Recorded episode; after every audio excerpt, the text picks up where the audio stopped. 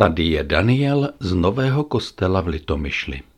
V betonovém kostele natáčím podcasty na Beton Info.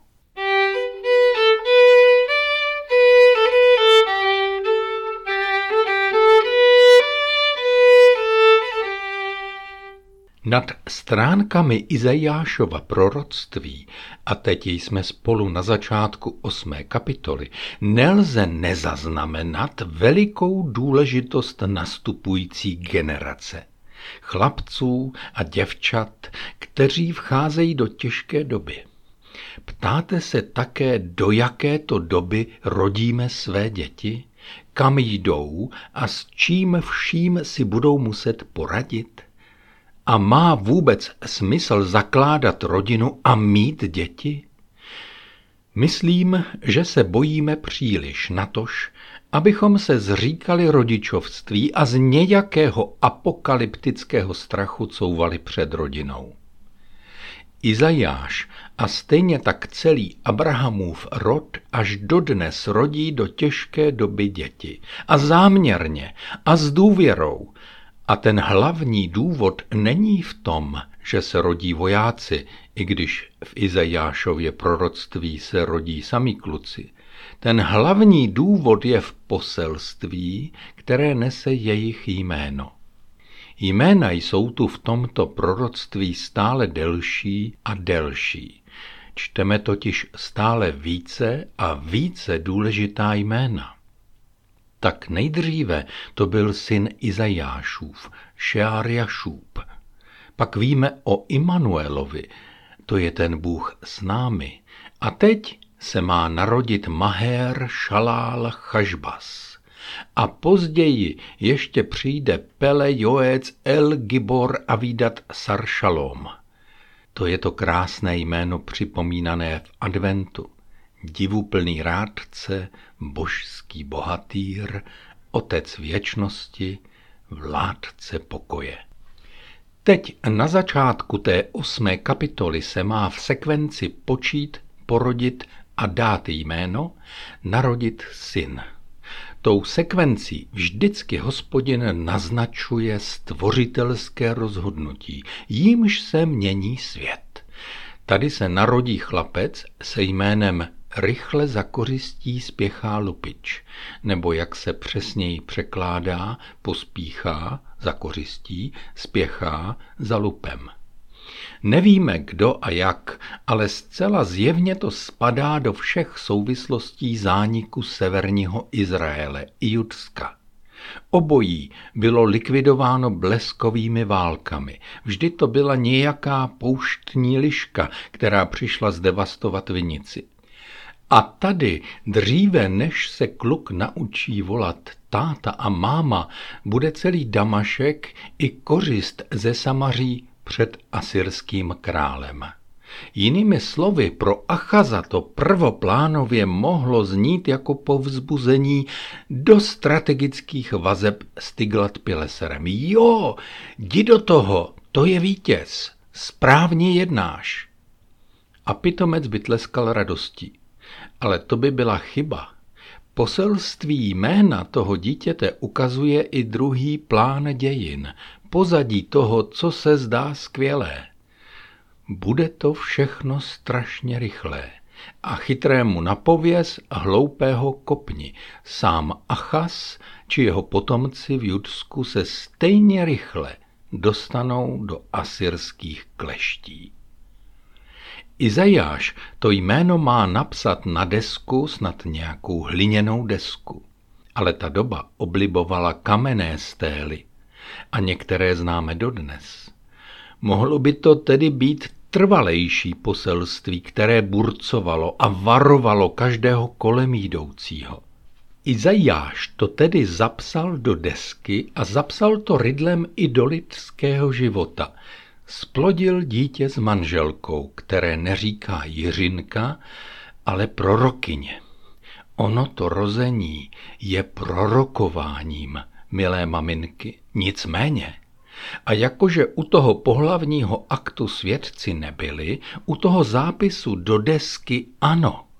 A byl-li to zápis do hlíny anebo do kamene, pak u toho stojí jakýsi kněz Uriáš a pak Zekariáš, syn Jeberekiášův.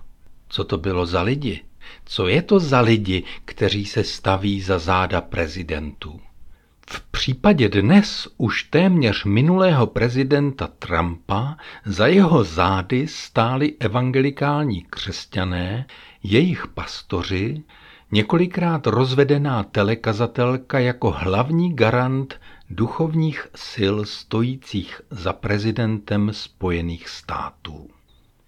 Nechápu to moc dobře, jak je možné, že někomu nesepne, že když se rozvede, může dělat jiné skvělé věci, ale pást stádo církve a národa, když neupásl to své, to by asi neměl zkoušet.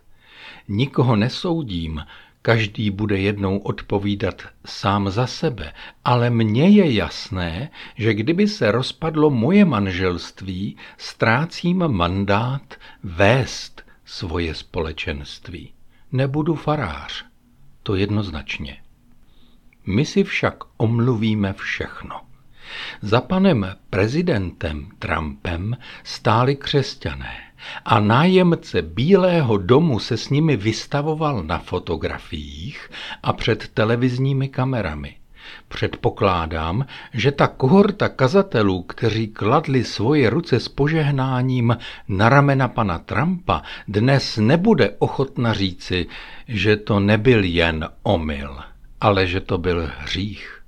Najde se určitě nějaké vysvětlení, zamlčí se přešlapy.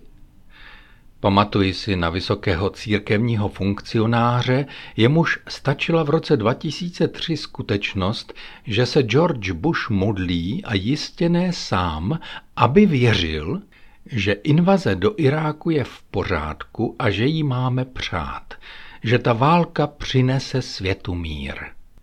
Nepřál jsem tomu, a to ostře. A byl jsem kárán ale ten funkcionář dodnes nevidí žádnou chybu. A stejně tak ty Trumpovy loutky jsem považoval a považuji za rouhače a mám dojem, že znectili evangelikální křesťanství. Nebyla to chyba, byl to hřích. A Bůh, ať je jim milostiv. Je milostiv mně a byl by milostiv i jim, jsme lidé hříšní. Kdože to stál u pamětního zápisu Izajášova? Ten kněz Uriáš, který podle druhé knihy královské 16. kapitoly ochotně vyrobil pro Achaza oltář, jaký mají v Damašku. Achaz jej u Tyglat Pilesera viděl a poslal Uriášovi model do Jeruzaléma a než král přijel zpátky ze státní návštěvy, měl oltář doma a dokonce v chrámě hospodinově. Skoro jako Ikea. A Uriáš snesl, že u něj u toho pohanského oltáře král Achas, jako by byl kněz, obětuje hospodinu a ještě si ten kněz nechal nakomandovat, že původní bronzový oltář hospodinův se odstěhuje na severní stranu a na jeho místo přijde ten nový, u kterého bude obětovat on a jeho kolegové ve jménu krále. Kdože to byl Uriáš? Byl to tedy člověk důvěryhodný, vysoce postavený, všechna čest jeho roli, kterou zastával. Ale byl to jinak člověk bezcharakterní a nábožensky nespůsobilý.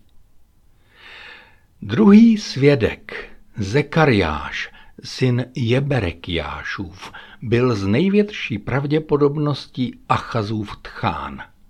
Takže to, co Izajáš zapsal do desky, to měli na královském dvoře z první ruky.